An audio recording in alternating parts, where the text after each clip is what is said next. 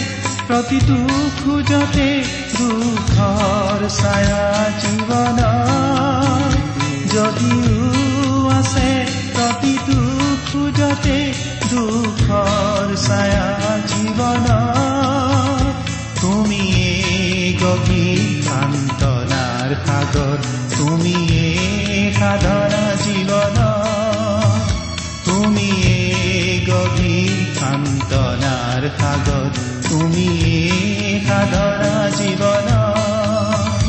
হে মোৰ যিছু প্ৰিয় প্ৰভু আজীৱন তোমাকে আৰাধো।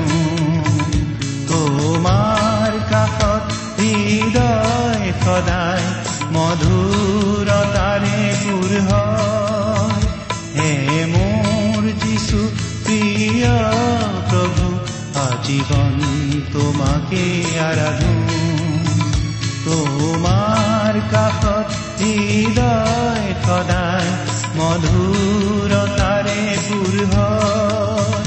মধুৰতাৰে পূৰ হয় আমাৰ মহান ত্ৰাণকৰ্তা প্ৰভু যীশুখ্ৰীষ্টৰ নামত নমস্কাৰ প্ৰিয় শ্ৰোতা।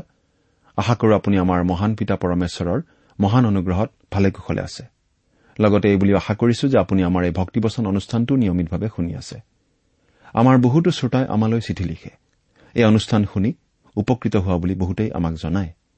তেনেকুৱা চিঠিবোৰে আমাক কাম কৰি যাবলৈ যথেষ্ট উৎসাহ যোগায়। আপুনি বাৰু কেতিয়াবা আমালৈ চিঠি লিখিছেনে? অনুগ্ৰহ কৰি আজি এই দুষাৰিমান লিখি পঠিয়াবচোন।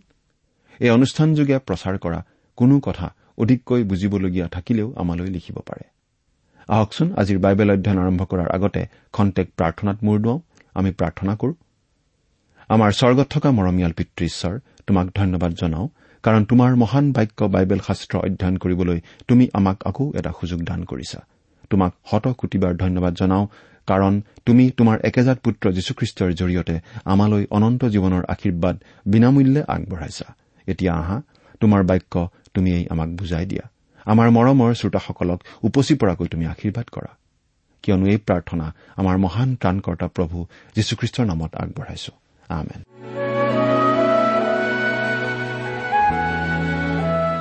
প্ৰিয় শ্ৰোতা যদি আপুনি আমাৰ এই ভক্তিবচন অনুষ্ঠানটোৰ নিয়মীয়া শ্ৰোতা তেনেহলে এই কথা আপুনি জানে যে আমি আজি কিছুদিন ধৰি বাইবেলৰ পুৰণি নিয়ম খণ্ডৰ যিচয়া ভাওবাদীৰ পুস্তক নামৰ পুস্তকখন অধ্যয়ন কৰি আছো। এই পুস্তকখন আমি আলোচনা কৰি ইতিমধ্যে তেৰ নম্বৰ অধ্যায়ৰ বাৰ নম্বৰ পদলৈকে আমাৰ আলোচনা আগবঢ়াই আনিছো। এই পুস্তকখন হৈছে ভাৱবাণীমূলক পুস্তক। ভাৱবাণী হৈছে কিছুমান ভাৱবাদী অৰ্থাৎ ঈশ্বৰে বিশেষভাৱে বাছি লোৱা লোকৰ জৰিয়তে ঈশ্বৰে মানুহক জনাই দিয়া কিছুমান কথা। সময় আৰু পৰিস্থিতি সাপেক্ষে ঈশ্বৰে এনেদৰে কিছুমান মানুহ বাছি লৈ তেওঁলোকৰ যোগেৰে কিছুমান কথা জনাইছিল। যিচয়া এজন ভাওবাদী আছিল আৰু তেওঁৰ যোগেৰেও ঈশ্বৰে ইছৰাইল জাতিৰ বিষয়ে প্ৰভু যীশুৰ বিষয়ে ভৱিষ্যতে হ'বলগীয়া মহাক্লেশ আদিৰ বিষয়ে বহুতো ভাৱবাণী জনাইছিল। এই ভাৱবাণী বা ভৱিষ্যৎবাণীৰ কিছুমান ইতিমধ্যে ফলিয়াই গৈছে। আৰু কিছুমান এতিয়াও ফলিয়াবলগীয়া আছে। আজি আমি যিচয়া পুস্তকৰ তেৰ নম্বৰ অধ্যায়ৰ তেৰ নম্বৰ পদৰ পৰা চৈধ্য নম্বৰ অধ্যায়ৰ সোতৰ নম্বৰ পদলৈকে আলোচনা কৰিবলৈ ওলাইছো। প্ৰথমতে আমি তেৰ নম্বৰ অধ্যায়ৰ তেৰ নম্বৰ পদৰ পৰা ষোল্ল নম্বৰ পদলৈ পাঠ কৰি দিছো। শুনিবচোন। এই হেতুকে মই আকাশমণ্ডলক কপাম আৰু বাহিনীবিলাকৰ জিহুৱাৰ ক্ৰোধত আৰু তেওঁৰ প্ৰচণ্ড কোপৰ দিনত পৃথিৱী জোকাৰ খাই স্থানান্তৰিত হ'ব। তাতে খেদা খোৱা হৰিণৰ বা ৰখীয়া নথকা ভেড়াৰ দৰে সিহঁত প্ৰতিজনে নিজ নিজ জাতিলৈ মুখ কৰিব আৰু প্ৰতিজনে নিজ নিজ দেশলৈ পলাই যাব। যাক যাক পোৱা যাব সেই সকলোকে অস্ত্ৰেৰে খোঁচা হ'ব আৰু যেয়ে যেয়ে ধৰা পৰিব সেই আটাইবোৰ তৰোৱালৰ মুখত পতিত হ'ব। আৰু সিহঁতৰ চকুৰ আগতে সিহঁতৰ কেঁচুৱাবোৰক আচাৰি পেলোৱা যাব। সিহঁতৰ ঘৰবোৰ লুট কৰা হ'ব আৰু সিহঁতৰ তিৰোতাবোৰক বলাৎকাৰ কৰা হ'ব। ইয়াত কোৱা হৈছে যে মহাক্লেশৰ সময়ত ঈশ্বৰে গোটেই বিশ্বতে ধ্বংস কাৰ্য চলাব। কিন্তু তেওঁৰ মনোনীত জাতি ইছৰাইলক সংৰক্ষণ কৰি ৰাখিব। সোতৰ নম্বৰ পদ। চোৱা ৰূপ গণ্য নকৰা আৰু সোণতো সন্তোষ নোপোৱা মাদিয়াবিলাকক মই সিহঁতৰ বিৰুদ্ধে উচতাম। যিচয়া ভাওবাদীয়ে ভৱিষ্যৎবাণী কৰি কৈছে যে মাদিয়াবিলাকৰ দ্বাৰা ঈশ্বৰে বাবিলক ধ্বংস কৰিব। অৱশ্যে আগতেও মাদিয়াই বাবিলৰ ওপৰত জয়লাভ সাব্যস্ত কৰিছিল। ওঠৰ আৰু ঊনৈশ নম্বৰ পদ শুনিবচোন। তাতে তেওঁবিলাকৰ ধনুৱে ডেকাবিলাকক দুখৰ দুখৰ কৰিব আৰু তেওঁবিলাকে গৰ্ভফললৈ দয়া নকৰিব সন্তানবিলাকলৈ কৃপা দৃষ্টি নকৰিব আৰু ৰাজ্যবোৰৰ ৰত্ন কলদিয়াবিলাকৰ প্ৰশংসাৰ ভূষণ বাবিল ঈশ্বৰৰ দ্বাৰাই নষ্ট হোৱা চদুম আৰু ঘমুৰাৰ নিচিনা হ'ব। প্ৰিয় শ্ৰোতা প্ৰাচীন কালৰ পৃথিৱীৰ শক্তিশালী দেশবোৰৰ ভিতৰত বেবিলন অতি শক্তিশালী আছিল। আনকি সেই সময়ৰ শক্তিশালী দেশ মাকেডনিয়া ইজিপ্ত আৰু ৰোমতকৈও শক্তিশালী আছিল। কিন্তু এই শক্তিশালী বেবিলনক ধ্বংস কৰি চদুম আৰু ঘমুৰাৰ দৰে কৰিছিল। তাৰ ধ্বংসাৱশেষ আজিও ঠায়ে ঠায়ে দেখিবলৈ পোৱা যায়। আনহাতে বেবিলনৰ দৰে জিৰচালেম আৰু আন আন নগৰো ধ্বংস হৈছিল আৰু সেইবোৰ পুনৰ নিৰ্মাণ কৰা হৈছে। কিন্তু বেবিলন আজিও পুনৰ নিৰ্মাণ কৰা হোৱা নাই। কিন্তু ভৱিষ্যতে ইয়াকো পুনৰ নিৰ্মাণ কৰা হ'ব যদিও আগৰ ঠাইত নহ'ব। বেবিলনৰ অৰ্থ হৈছে অনিশ্চয়তা। তথাপিতো ভৱিষ্যতে ই পুনৰ বাণিজ্য ধৰ্ম ৰাজনীতি শিক্ষা আৰু শক্তিৰ প্ৰাণকেন্দ্ৰ হ'ব। বিশ নম্বৰ পদ। আৰু সেয়ে কেতিয়াও নিবাসস্থান নহ'ব। আৰু পুৰুষানুক্ৰমে কোনেও তাত বাস নকৰিব। আৰবীয়া লোকেও তাত তম্বু নতৰিব আৰু ভেড়াৰখীয়াবিলাকেও সেই ঠাইত নিজ নিজ জাক নোশোৱাব প্ৰিয় শ্ৰোতা পুৰণি বেবিলনৰ আচল অৱস্থান আছিল ফৰাত নদীৰ পৰা সাতৰ পৰা ন মাইল দূৰত। সেয়া আচলতে আৰবীয়সকলৰ বাসস্থান আছিল। কিন্তু তথাপিতো অতীতৰ ভূতত্ববিদসকলে খনন কাৰ্য চলাওঁতে বেবিলনীয়া সভ্যতাৰ যিবোৰ চিন পাইছে তাৰ ভিতৰত আৰবীয়সকল থকাৰ বিশেষ প্ৰমাণ পোৱা নাই। তাৰমানে আৰবীয়সকলে তাত বাস কৰা নাছিল আৰু বাইবেলে কোৱা কথাই সঁচা আছিল। একৈশ আৰু বাইশ নম্বৰ পদ শুনিবচোন। তাত অৰণ্য নিবাসী বনৰীয়া জন্তুৱে বাস কৰিব। সিহঁতৰ ঘৰবোৰ এৰাও কৰা পশুৰে পৰিপূৰ্ণ হ'ব আৰু সেই ঠাইত উট পক্ষীয়ে বাস কৰিব। আৰু দীঘল নুমীয়া চাকবোৰে তাত দেও দিব। আৰু সিহঁতৰ ৰাজগৃহবোৰত ৰাং কুকুৰে আৰু মনোহৰ অট্টালিকাবোৰত শিয়ালে চিঞৰিব আৰু তাৰ কাল ওচৰ চাপিছে তাৰ দিনবোৰ দীঘল কৰা নহ'ব। প্ৰিয় শ্ৰোতা ইয়াত অৰণ্য নিবাসী বনৰীয়া জন্তু বাস কৰিব বুলি কোৱা কথাটো সঁচা। এসময়ৰ শক্তিশালী বেবিলনৰ ধ্বংসস্তূপবোৰৰ মাজত সিংহ বাস কৰিছিল। আনহাতে দীঘল নুমীয়া ছাগৰ দ্বাৰা ৰাক্ষসক বুজোৱা হৈছে। আপুনি যদি ৰাক্ষসৰ নাচ চাবলৈ ইচ্ছা কৰে তেন্তে বেবিলনত দেখা পাব। তাৰ ধ্বংসস্তূপৰ মাজত এইবোৰ আজিও আছে। অতীত কালত বেবিলন প্ৰতিমা পূজকসকলৰ স্থান যেন আছিল। ভৱিষ্যতে বেবিলন পৃথিৱীৰ প্ৰধান কেন্দ্ৰস্থান হৈ পৰিব। পাপৰ গৰাকী চৈৰাচাৰী ৰজা খ্ৰীষ্টাৰীয়ে তাতেই শাসন কৰিব। কিন্তু ঈশ্বৰে তাক পুনৰ ধ্বংস কৰিব। পুৰণি বেবিলন আজিও ভৱিষ্যৎবাণীৰ সিদ্ধতাৰ এক স্মৃতিসৌধ হৈ আছে আৰু ভৱিষ্যতে ঈশ্বৰে পুনৰ বেবিলনৰ সুধবিচাৰ কৰিব। এই বিষয়ে চৈধ্য নম্বৰ অধ্যায়ত আমি আৰু কিছু কথা জানিব পাৰিম আৰু এয়া চৈধ্য নম্বৰ অধ্যায়ৰ পাতনি মেলিছো। এই অধ্যায়ৰ মূল বিষয় হ'ল বেবিলনৰ সম্পূৰ্ণ ধ্বংসৰ পাছত হাজাৰ বছৰ ৰাজত্ব স্থাপন আৰু ছয়তানৰ মূলৰ বিৱৰণ আৰু ইয়াৰ বিচাৰ। লগতে পলেষ্টাইনৰ বিচাৰৰ বিষয়েও ইয়াত আমি পাম। কিন্তু তাৰ আগতে ঈশ্বৰে যি নখন দেশৰ সুদবিচাৰ কৰিব বুলি কৈছিল তাৰ ভিতৰত প্ৰথম ভাৰ আমি বেবিলনৰ ওপৰত পৰা দেখা পাম।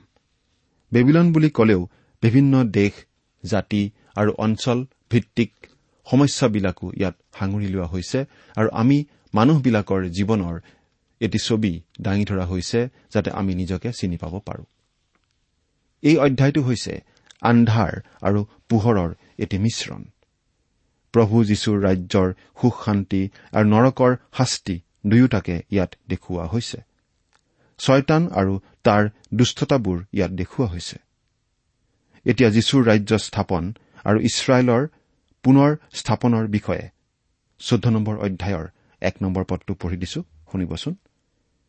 কিয়নো জিহুৱাই জাকুবক দয়া কৰিব ইছৰাইলক পুনৰাই মনোনীত কৰিব আৰু তেওঁবিলাকৰ দেশত তেওঁবিলাকক স্থাপন কৰিব। তাতে বিদেশী লোকে তেওঁবিলাকৰ লগ ল'ব আৰু জাকুবৰ বংশত আসক্ত হ'ব। ঈশ্বৰে বাৰে বাৰে কৈ আহিছে যে তেওঁ ইছৰাইলক নিজ দেশত পুনৰ স্থাপন কৰিব। কিন্তু এতিয়াও আচলতে স্থাপন কৰা হোৱা নাই। কিন্তু যেতিয়া স্থাপন কৰা হ'ব তেতিয়া আন দেশৰ লগত ইছৰাইলৰ কোনো সমস্যা নাথাকিব। আৰু সহায়ৰ বাবে তেওঁলোকে ডাঙৰ ডাঙৰ দেশৰ ওচৰত আৰু হাত পাতিব নালাগিব কাৰণ প্ৰভু যীশুৱে তেওঁলোকক শাসন কৰিব।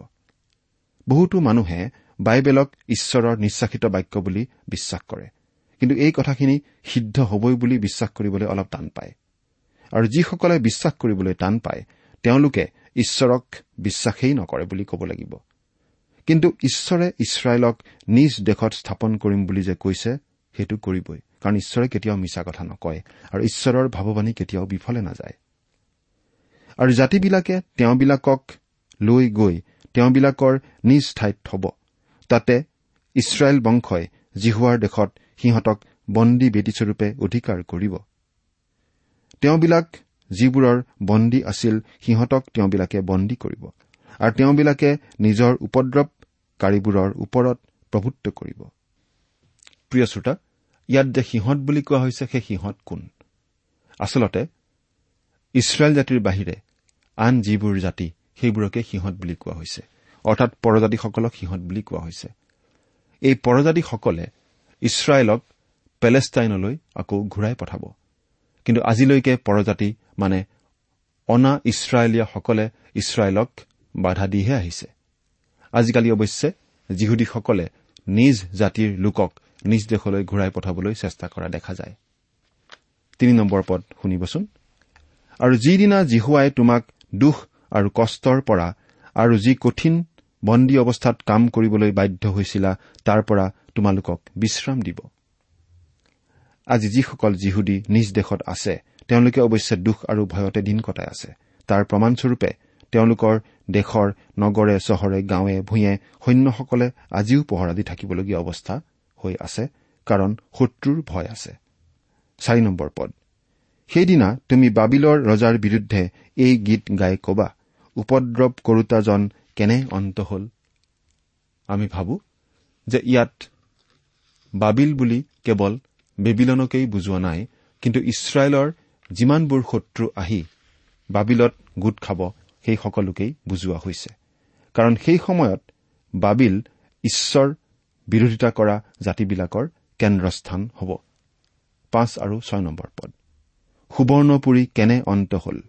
যিহে নিৰন্তৰ প্ৰহাৰেৰে কোপত প্ৰজাবিলাকক প্ৰহাৰ কৰিছিল কোনেও নিবাৰণ নকৰা তাৰণাৰে যিহে ক্ৰোধত জাতিবিলাকক শাসন কৰিছিল জিহুৱাই দুষ্টবোৰৰ সেই লাঠি শাসনকৰ্তাবিলাকৰ সেই দণ্ড ভাঙিলে। এই পদ্ধতিৰ দ্বাৰা মহাক্লেশৰ শেষ ভাগত ঈশ্বৰৰ অন্তিম বিচাৰৰ কথা কোৱা হৈছে। পৃথিৱীত যিমানবোৰ অন্যায় আৰু অত্যাচাৰ চলি আহিছে সেইবোৰৰ বিচাৰ নোহোৱাকৈ কেতিয়াও নাথাকে। বিচাৰ এদিন হবই কিন্তু এই বিচাৰ মানুহে কৰিব বুলি আমি ভাবিব নালাগে। ঈশ্বৰেহে এই বিচাৰ কৰিব। সাত আৰু আঠ নম্বৰ পদ শুনিব। সমস্ত পৃথিৱী শান্ত আৰু সুস্থিৰ আছে। লোকবিলাকৰ মুখৰ পৰা গীত ওলাইছে। এনেকি দেৱদাৰু আৰু লিবানুনৰ এৰছ গছবোৰে তুমি পতিত হোৱাৰ পৰা আমাৰ বিৰুদ্ধে কোনো কাটোতা অহা নাই এই বুলি কৈ তোমাৰ বিষয়ে আনন্দ কৰিছে। এই পদ দুটিও নিশ্চয় এতিয়াও সিদ্ধ হোৱা নাই কাৰণ আৰ্মাগিদুনৰ যুদ্ধ আৰু প্ৰভুৰ আগমনৰ পাছতহে পৃথিৱীত জিৰণি আৰু শান্তি হ'ব। তেতিয়া মানুহে দুখ বেদনাৰ পৰিৱৰ্তে আনন্দ কৰিব আৰু গীত গাব। ন নম্বৰ পদ। তোমাৰ আগমনত তোমাক আগবঢ়াই আনিবলৈ চিউল অধস্থানৰ পৰা ব্যস্ত হৈছে। সেয়ে তোমাৰ নিমিত্তে মৃতবিলাকক পৃথিৱীৰ সকলো মুখ্য লোকক চেতনা দিছে। সেয়ে জাতিবিলাকৰ সকলো ৰজাক নিজ নিজ সিংহাসনৰ পৰা উঠাইছে। চিউল মানে হ'ল নৰক বা মৃত্যু। ইয়াত অৱশ্যে মৈদাম বা শাস্তিৰ স্থানক বুজোৱা হৈছে। য'ত মৃতবিলাকক শাস্তি দি থকা হৈছে। দহ আৰু এঘাৰ নম্বৰ পদ। তেওঁবিলাক সকলোৱে তোমাক উত্তৰ কৰি কব তুমিও আমাৰ নিচিনা দুৰ্বল হলানে? তুমিও আমাৰ নিচিনা হলানে? তোমাৰ আড়ম্বৰ আৰু তোমাৰ নেবল যন্ত্ৰৰ বাদ্য চিউললৈ নমোৱা হল তোমাৰ তলত বিচনাস্বৰূপে পোক পৰা হল আৰু কীট তোমাৰ গাত লোৱা কম্বলস্বৰূপ হল। প্ৰিয় শ্ৰোতা পৃথিৱীৰ অতি শক্তিশালী ৰজাসকল নিজ নিজ সিংহাসনৰ পৰা নমোৱা হ'ব আৰু তেওঁলোকক একেবাৰে শক্তিহীন কৰি অতি তললৈ নমোৱা হ'ব। তাকে দেখি আনবিলাকে তেওঁলোকক বিদ্ৰূপ কৰিব। পদ হে দীপ্তিময় প্ৰভাতীয় তৰা তুমি আকাশৰ পৰা কেনেৰূপে পতিত হলা? আৰু জাতিবিলাকক নিপাত কৰোতা যি তুমি তুমি ছিন্ন হৈ কেনেৰূপে মাটিৰ সমান হলা? ইয়াত দীপ্তিময় প্ৰভাতীয় তৰা মানে লুচিফাৰক বুজোৱা হৈছে। আৰু লুচিফাৰ মানে ছয়তান। লুচিফাৰ হ'ল ঈশ্বৰৰ সৃষ্টিবোৰৰ ভিতৰত অন্যতম সৃষ্টি। কিন্তু সি ইস্কৰুটীয়া জিহুদাৰ দৰে ঈশ্বৰৰ অবাধ্য হৈছিল। সি ঈশ্বৰৰ ওপৰত উঠিব বিচাৰিছিল। আনকি ঈশ্বৰৰ আসনৰ ওপৰত সি বহিবলৈ ইচ্ছা কৰিছিল। প্ৰথম জোহন তিনি অধ্যায় চাৰি নম্বৰ পদত আমাক কোৱা হৈছে যিকোনোৱে পাপ আচৰণ কৰে তেওঁ বিধান লংঘন কৰে আৰু পাপেই বিধান লংঘন। আকৌ প্ৰকাশিত বাক্য দুই নম্বৰ অধ্যায় সাত নম্বৰ পদৰ পৰা ন নম্বৰ পদলৈকে এইদৰে কোৱা হৈছে আৰু স্বৰ্গত যুদ্ধ হল। মিখাইল আৰু তেওঁৰ দূতবিলাকে নাগে সৈতে যুদ্ধ কৰিলে। সেই নাগ আৰু তাৰ দূতবিলাকেও যুদ্ধ কৰিলে কিন্তু বলে নোৱাৰিলে। আৰু স্বৰ্গত তেওঁবিলাকৰ উদ্দেশ্যে আৰু ঠাই পোৱা নগল। সেই মহানাগক অৰ্থাৎ দিয়াবল আৰু ছয়তান নামেৰে বিখ্যাত হোৱা যি পুৰণি সাপে গোটেই জগতৰ ভ্ৰান্তি জন্মাই তাক পৃথিৱীলৈ পেলোৱা হল আৰু তাৰ দূতবিলাককো পেলোৱা হল। এইটোৱেই হল একেবাৰে আৰম্ভণিতে লুচিফাৰৰ ছবি। এতিয়া আমি তেৰ আৰু চৈধ্য নম্বৰ পদত চাওঁ যে এই লুচিফাৰৰ পাপ কি আছিল কিহৰ বাবে তাক ইমান তললৈ পেলোৱা হৈছিল। তুমি মনতে ভাবিছিলা মই স্বৰ্গলৈ উঠি ঈশ্বৰৰ তৰাবোৰৰ ওপৰত মোৰ সিংহাসন ওখ কৰি স্থাপন কৰিম আৰু উত্তৰ দিশৰ অন্তসীমাত সভাগিৰিত মই বহিম। মই মেঘবোৰতকৈও ওখ ঠাইত উঠিম। মই সৰ্বোপৰি জনাৰ তুল্য হ'ম। প্ৰিয় শ্ৰোতা এই দুটা পদত আমি পাওঁ যে সেই লুচিফাৰে পাঁচটা বিষয়ত গৰ্ব কৰিছিল আৰু পাবলৈ ইচ্ছা কৰিছিল। প্ৰথমতে ঈশ্বৰৰ ইচ্ছাৰ বিৰুদ্ধে সি নিজৰ ইচ্ছা স্থাপন কৰিছিল। এইটো হ'ল পাপৰ গজালি। ইয়াৰ পৰাই পাপৰ ক্ৰমবিকাশ হয়। মানুহৰ ক্ৰমবিকাশ নাই। আমি এই কথা বিশ্বাস নকৰো। কিন্তু পাপৰ হলে ক্ৰমবিকাশ আছে। এটি সৃষ্টিয়ে ঈশ্বৰৰ ইচ্ছাৰ বিৰুদ্ধে নিজৰ ইচ্ছা সিদ্ধ কৰিবলৈ যাওঁতে পাপৰ আৰম্ভণি হৈছিল। অৱশ্যে মুক্ত নৈতিক প্ৰতিনিধি হিচাপে সেই সৃষ্টিক তেনে ইচ্ছা কৰিবলৈ দিব লাগিব। মুক্ত নৈতিক ইচ্ছা থকা সৃষ্টি এটাই যি ইচ্ছা তাকে কৰিব পাৰে বুলি কোৱাটো মূৰ্খামী। লুচিফাৰৰ হলে মুক্ত ইচ্ছা আছিল। মানুহৰ আদি মূল পাপটো আছিল নিজৰ ইচ্ছা। এই বিষয়ে যিচয়া তেপন্ন অধ্যায় ছয় নম্বৰ পদত এইদৰে কোৱা হৈছে আমি সকলোৱে ভেড়াৰ নিচিনাকৈ অপথে গৈছিলো। প্ৰতিজনে নিজ নিজ বাট লৈছিলো। আৰু ঈশ্বৰে আমাৰ সকলোৰে ভাৰ তেওঁৰ ওপৰত দিলে। অৰ্থাৎ আমি যি মন যায় নিজৰ খুচিমতে তাকেই কৰাটোৱেই হৈছে পাপ। এতিয়া চাওক নৰবধ পাপ। এইটো ঈশ্বৰে কৈছে কাৰণেই পাপ নহয় কিন্তু এইটো ঈশ্বৰৰ ইচ্ছা আৰু চৰিত্ৰৰ বিপৰীত। সেইকাৰণেহে পাপ। তাৰমানে যি ঈশ্বৰৰ ইচ্ছা আৰু চৰিত্ৰৰ বিপৰীত সেয়েই পাপ। কিন্তু ঈশ্বৰৰ ফুটে উৰি যোৱা এই ক্ষুদ্ৰ মানুহবিলাকৰ কথাই চাওকচোন। মানুহে আজি ঈশ্বৰক কব ধৰিছে তোমাৰ যি ইচ্ছা তাক মই নকৰো কিন্তু মোৰ যি ইচ্ছা সেইমতেহে মই কৰিম। কিন্তু আমি মনত ৰখা উচিত মানুহৰ ইচ্ছামতে আচলতে একো নহয়। ঈশ্বৰৰ যি ইচ্ছা সিহে অৱশেষত সিদ্ধ হ'ব। সেইকাৰণে আমি মানুহে এইটো প্ৰাৰ্থনা কৰিব লাগে যে যেনেকৈ স্বৰ্গত তেনেকৈ পৃথিৱীতো তোমাৰ ইচ্ছা সিদ্ধ হওক। ইয়াৰ অৰ্থ হ'ল যিয়েই নহওক কিয় যি ঈশ্বৰৰ ইচ্ছাৰ বিপৰীত সেয়েই পাপ। এতিয়া ছয়তানৰ পাপটোলৈ মন কৰক। অতিপাত গৰ্বভাৱেই আছিল ছয়তানৰ পাপ।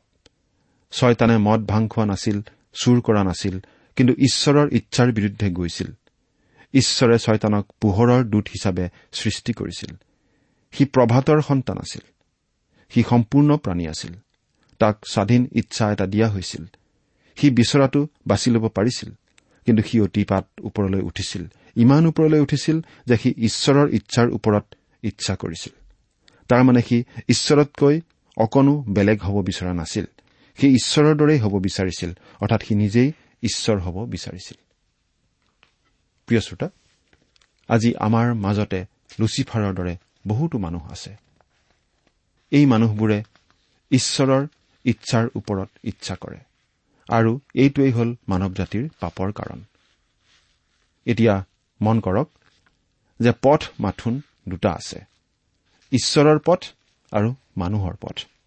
জোহন চৈধ্য অধ্যায় ছয় পদত প্ৰভু যীশুৱে এই কথাটোকেই কৈছিল মই এই বাট সত্য আৰু জীৱন।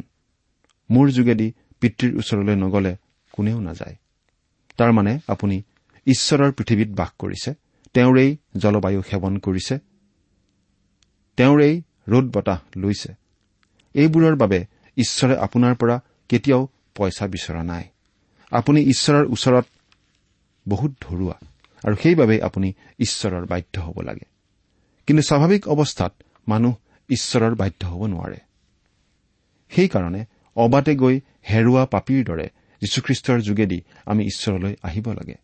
তেতিয়া আমি এটি নতুন স্বভাৱ পাওঁ আৰু সেইটোৱেই হ'ল নতুন জন্ম।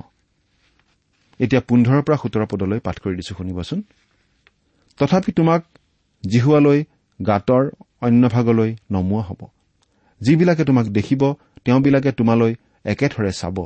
তেওঁবিলাকে তোমাৰ বিষয়ে বিবেচনা কৰি কব যি পুৰুষে পৃথিৱীখন কপাইছিল ৰাজ্যবোৰ জোকাৰিছিল জগতখনক অৰণ্যস্বৰূপ কৰিছিল তাৰ নগৰবোৰ উচ্ছন্ন কৰিছিল আৰু তেওঁৰ বন্দীবোৰক ঘৰলৈ যাবলৈ মুক্ত নকৰিছিল। এওঁৱেই সেইজন পুৰুষ নহয়নে? প্ৰিয় শ্ৰোতা ঈশ্বৰে এদিনাখন নিশ্চয় ছয়তানৰ বিচাৰ কৰিব আৰু তাৰ বিচাৰ অতি কঠোৰ হ'ব। আৰু অৱশেষত আগতে যুগুত কৰি থোৱা অগ্নিৰ সৰোবৰত ছয়তানক পেলাই দিয়া হ'ব। ঈশ্বৰে এনে কিছুমান আঁচনি আৰু পৰিকল্পনা কৰি থৈছে যিবোৰ পৃথিৱীৰ মানুহে চিন্তাও কৰিব নোৱাৰে। সেইবোৰক লৈ আপুনি আৰু মই ঈশ্বৰক কোনো প্ৰশ্ন কৰিব নোৱাৰো। প্ৰশ্ন কৰাৰ পৰিৱৰ্তে তেওঁৰ ওপৰতেই নিৰ্ভৰ কৰাই হ'ল উত্তম উপায়। তেনে কৰিলে ঈশ্বৰে তেওঁৰ প্ৰেম দয়া আৰু অনুগ্ৰহ দান কৰিম বুলি প্ৰতিজ্ঞা কৰিছে। ঈশ্বৰে তেওঁৰ প্ৰতিজ্ঞা কেতিয়াও নাপাহৰে। কথা হ'ল আপুনি তেওঁৰ ওপৰত নিৰ্ভৰ কৰিছেনে নাই? সেইটো চিন্তা কৰক। যদিহে কৰা নাই তেন্তে আজিয়েই কৰক। ঈশ্বৰে আপোনাক আশীৰ্বাদ কৰক। আমেন।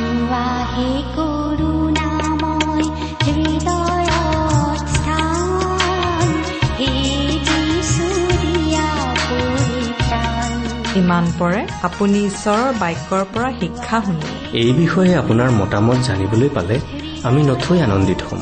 আমি প্ৰস্তুত কৰা বাইবেল অধ্যয়নৰ চিডিসমূহ পাব বিচাৰিলে আৰু অনুষ্ঠানত প্ৰচাৰ কৰা কোনো কথা বুজিব লগা থাকিলেও আমালৈ লিখক। আমাৰ যোগাযোগৰ ঠিকনা ভক্তিবচন ট্ৰান্সপল ৰেডিঅ' ইণ্ডিয়া ডাক বাকচ নম্বৰ সাত শূন্য গুৱাহাটী সাত আঠ এক শূন্য শূন্য এক। ঠিকনাটো আকৌ এবাৰ কৈছো ভক্তিবচন ট্ৰান্সৱৰ্ল্ড ৰেডিঅ' ইণ্ডিয়া ডাক বাকচ নম্বৰ সাত শূন্য গুৱাহাটী সাত আঠ এক শূন্য শূন্য এক। আমাৰ ইমেইল এড্ৰেছটো হৈছে Assamese T TV at the rate radio' eight eight two dot com. আমাৰ website W W W dot T W R dot in আপুনি টেলিফোনৰ মাধ্যমেৰেও আমাক যোগাযোগ কৰিব পাৰে। আমাৰ টেলিফোন নম্বৰটো হৈছে nine eight five four zero' four zero' eight eight nine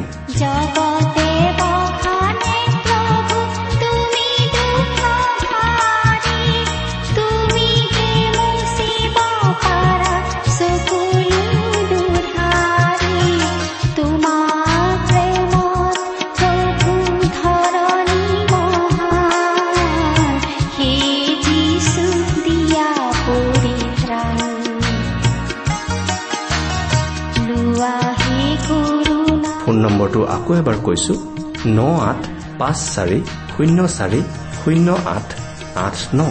আপুনি এই ভক্তিবচন অনুষ্ঠানটি আমাৰ website W W W dot radio' eight eight two dot কমতো শুনিব পাৰিব। আজিৰ অনুষ্ঠানটি ইমানতে সামৰিছো। ঈশ্বৰৰ শান্তি আৰু অনুগ্ৰহ আপোনাৰ লগত থাকক। ধন্যবাদ। পাপৰ কালি লগা যিখনি ধৰা